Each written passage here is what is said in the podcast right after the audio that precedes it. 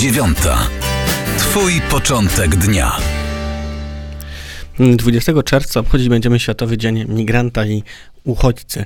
E, właśnie o tym porozmawiamy z panią Aleksandrą Rutkowską z Polskiego Centrum Pomocy Międzynarodowej. Dzień dobry. Dzień dobry Państwu, dzień dobry Panie redaktorze. Wydaje się, że dużo rzadziej słyszymy ostatnio w mediach głównego nurtu o problemie uchodźców. W ogóle w mediach zdaje się, niż miało to miejsce kilka lat wcześniej.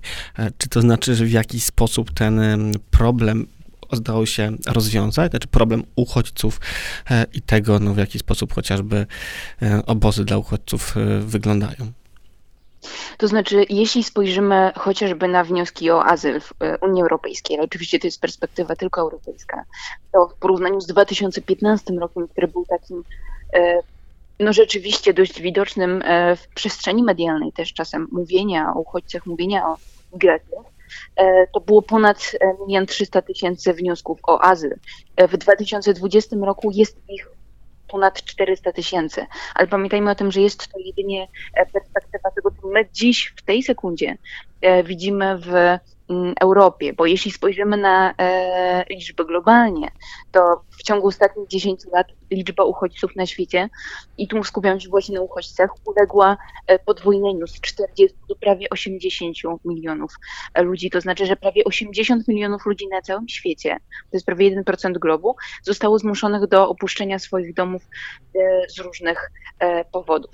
Wśród nich jest 26 milionów i to są mm, te osoby, które otrzymały status uchodźcy. Ich połowa ma mniej niż 18 lat, więc mówimy przede wszystkim o no, młodych dzieciach, które mm, tego bezpieczeństwa e, szukać będą.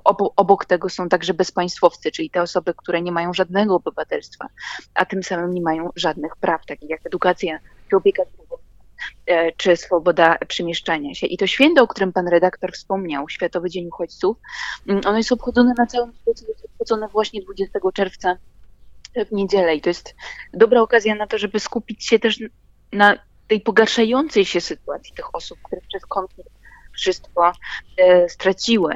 Mm, ta sytuacja już teraz jest bardzo trudna. Polskie Centrum Pomocy Międzynarodowej mm, także w dobie pandemii obserwował, jak ta sytuacja potęgowała się, jak e, prawie 90% uchodźców tylko w Libanie syryjskich żyje poniżej progu ubóstwa. To jest tak naprawdę większość e, uchodźców. Jeśli do tego spojrzymy trochę dalej w przyszłość, mm, no to tych niebezpieczeństw będzie jeszcze więcej, bo chociażby te ostatnie lata pokazują, że samych przesiedleń już mm, w ostatnich latach mm, w związku z trudnościami e, pogodowymi e, było bardzo dużo.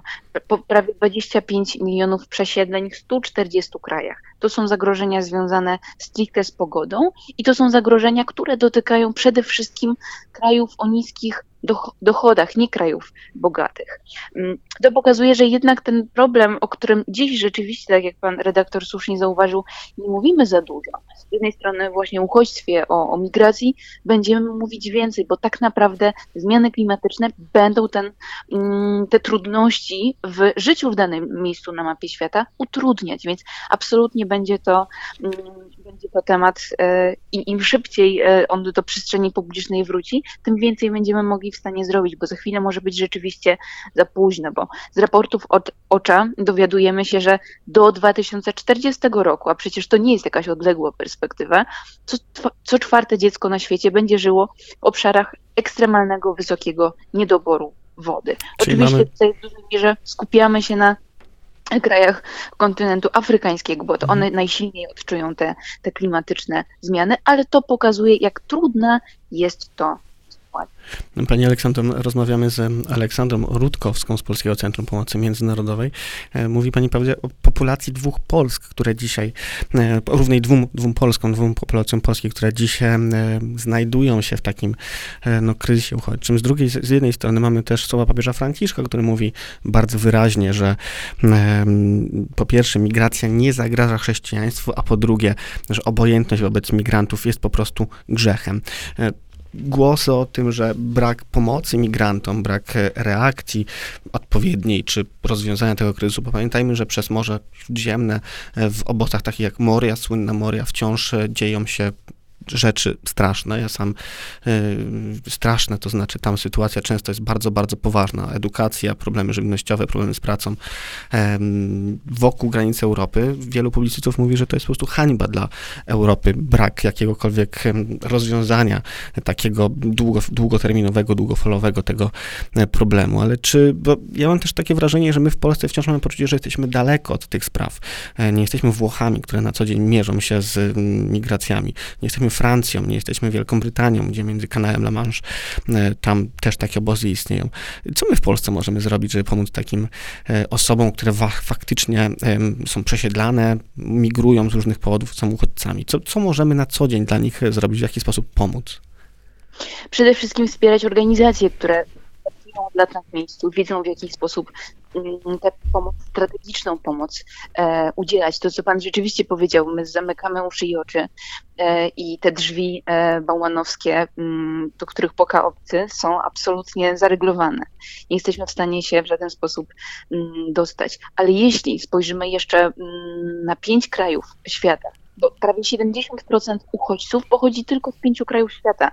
To pokazuje, że my jesteśmy w stanie skupić uwagę na tych krajach, które rzeczywiście pomocy potrzebują. A jakie to, to są może kraje? Być w kraju takim jak Afganistan, gdzie, mm, gdzie ta sytuacja mm, cały czas jest bardzo trudna. Z drugiej strony mamy Syrię, mamy Sudan Południowy. To są kraje, w których e, Polskie Centrum Pomocy Międzynarodowej ma mm, projekty albo w których uchodźców wspiera. Więc to, co można zrobić realnie, wspierać organizacje takie jak Fundację PCP w szerszym y, mm, sposobie na, na, na, na rozszerzanie pomocy, e, konkretnej pomocy, która, która, która jest możliwa. Bo tych narzędzi mm, mamy znacznie więcej. To są projekty zapewniające edukację, opiekę zdrowotną, e, schronienia, e, żywność, to w dużej mierze w Sudanie Południowym, gdzie mamy mm, centrum dożywiania. To są konkretne miejsca, konkretne działania, które mogłyby być większe, mogłyby dotyczyć większej grupy ludzi, e, gdyby były na to e, środki, a żeby były środki, musi być też to zainteresowanie i przestrzeni publicznej, no ale też, też gromadzenia tych środków i przekazywania tych środków do dużych podmiotów państwowych, które też mogłyby w tej materii, e, tak jak każdy, każdy obywatel czy obywatelka, także się przysłużyć. Mm. Mm, z drugiej strony ja się zastanawiam, bo hmm, chociażby Unia Europejska w tym budżecie na 2014-2020, czyli tym, który już minął, przeznaczyła 7,1 miliarda euro na pomoc kwestii właśnie pomocy humanitarnej, pomoc doraźną na, dla ofiar klęsk żywnościowych, katastrof spowodowanych przez człowieka, czyli też również powodów e, migracji, a też tych organizacji pomocowych, organizacji pozarządowych e, działa w końcu bardzo wiele, organizacji międzynarodowych. Wszyscy starają się w jakiś sposób e, odpowiedzieć na to wyzwanie, które, tak jak pani wskazuje, jest wyzwaniem długoterminowym, ale wciąż zdaje się takiej odpowiedzi nie ma. Taki trochę, zdaje się, mm, może nie imposybilizm, ale na czym polega ten, ta trudność w przełamaniu tego problemu, czy rozwiązaniu tego problemu e, tak długofalowo? Myślę, że w dużej mierze nie jest to jeden z kluczowych tematów e, dla, na arenie międzynarodowej. E, nie jest to, nie jest to temat, temat numer jeden. Zwróćmy uwagę, że ten temat zaczyna być e, kluczowym w momencie, kiedy bezpośrednio nas w jakiejś mierze dotyczy. Dobrze to obrazuje chociażby pogorszenie się sytuacji w północno-zachodniej części Syrii niecałe dwa lata temu, kiedy rzeczywiście prezydent Erdoğan powiedział: Otwieram granice Europy nie jesteśmy w stanie mm, tylu mm, osobom uciekającym przed reżimem Asada pomóc. Wtedy na chwilę, na moment wszyscy także się zatrzymali. Ta uwaga była znacznie większa. Więc to pokazuje, tak długo jak to nas nie dotyka, to jest to, co pan redaktor mm, zawarł w poprzednim pytaniu, tak długo my nie do końca wystarczająco działamy w tym, żeby te trudności, te problemy potęgujące się rozwiązywać, a rzeczywiście potem może być, e, może być za późno, bo już dziś mówimy o mm, pokoleniu wyrastającym e, bez narzędzi do, do tego, żeby się rozwijać, bez narzędzi do tego, żeby budować swoje przyszłości. Mm, więc za kilka dekad ta sytuacja będzie nie do rozwiązania. Tak jak, mm, tak jak wspomniałam, 2040 rok to nie jest odległa perspektywa, a jest dość, dość przerażająca. Pokazuje, dostęp do wody będzie będzie czymś naprawdę, naprawdę wyjątkowym. Czyli przede wszystkim, proszę Państwa, nie uciekajmy od problemu e, migracji, od problemów e, związanych z uchodźcami, bo będą one narastać, a nie zmniejszać się e, z bardzo wielu powodów. Kryzys klimatyczny, konflikty zbrojne, ale też różnego innego typu działania. Bardzo dziękuję Pani Aleksandra Rutkowska. Co jest Polska. jeszcze ciekawe, mhm, Tak? co jest jeszcze ciekawe, wspomnę, że w kontekście Afganistanu, to, to jest to porównanie, które pan redaktor e, uczynił. E, śmiertelna susza w Afganistanie doprowadziła do wysiedlenia większej liczby e, Afgańczyków niż, e, niż konflikt z talibami. To pokazuje, jak ten klimat silnym będzie takim podmiotem e, jednak prowokującym i, i, i dewastującym te trudności, które już mamy dzisiaj. Nawet większe niż właśnie konflikty. I żeby w jakiś sposób e, móc pomóc e, też w kontekście takich e, problemów. Wspierajmy organizacje pomocowe, takie jak Polskie Centrum Pomocy Międzynarodowej. Pani Aleksandra Rutkowska była moim i Państwa gościem. Bardzo dziękuję za rozmowę. Do usłyszenia. Przepiękne dzięki. Siódma, dziewiąta. Twój początek dnia.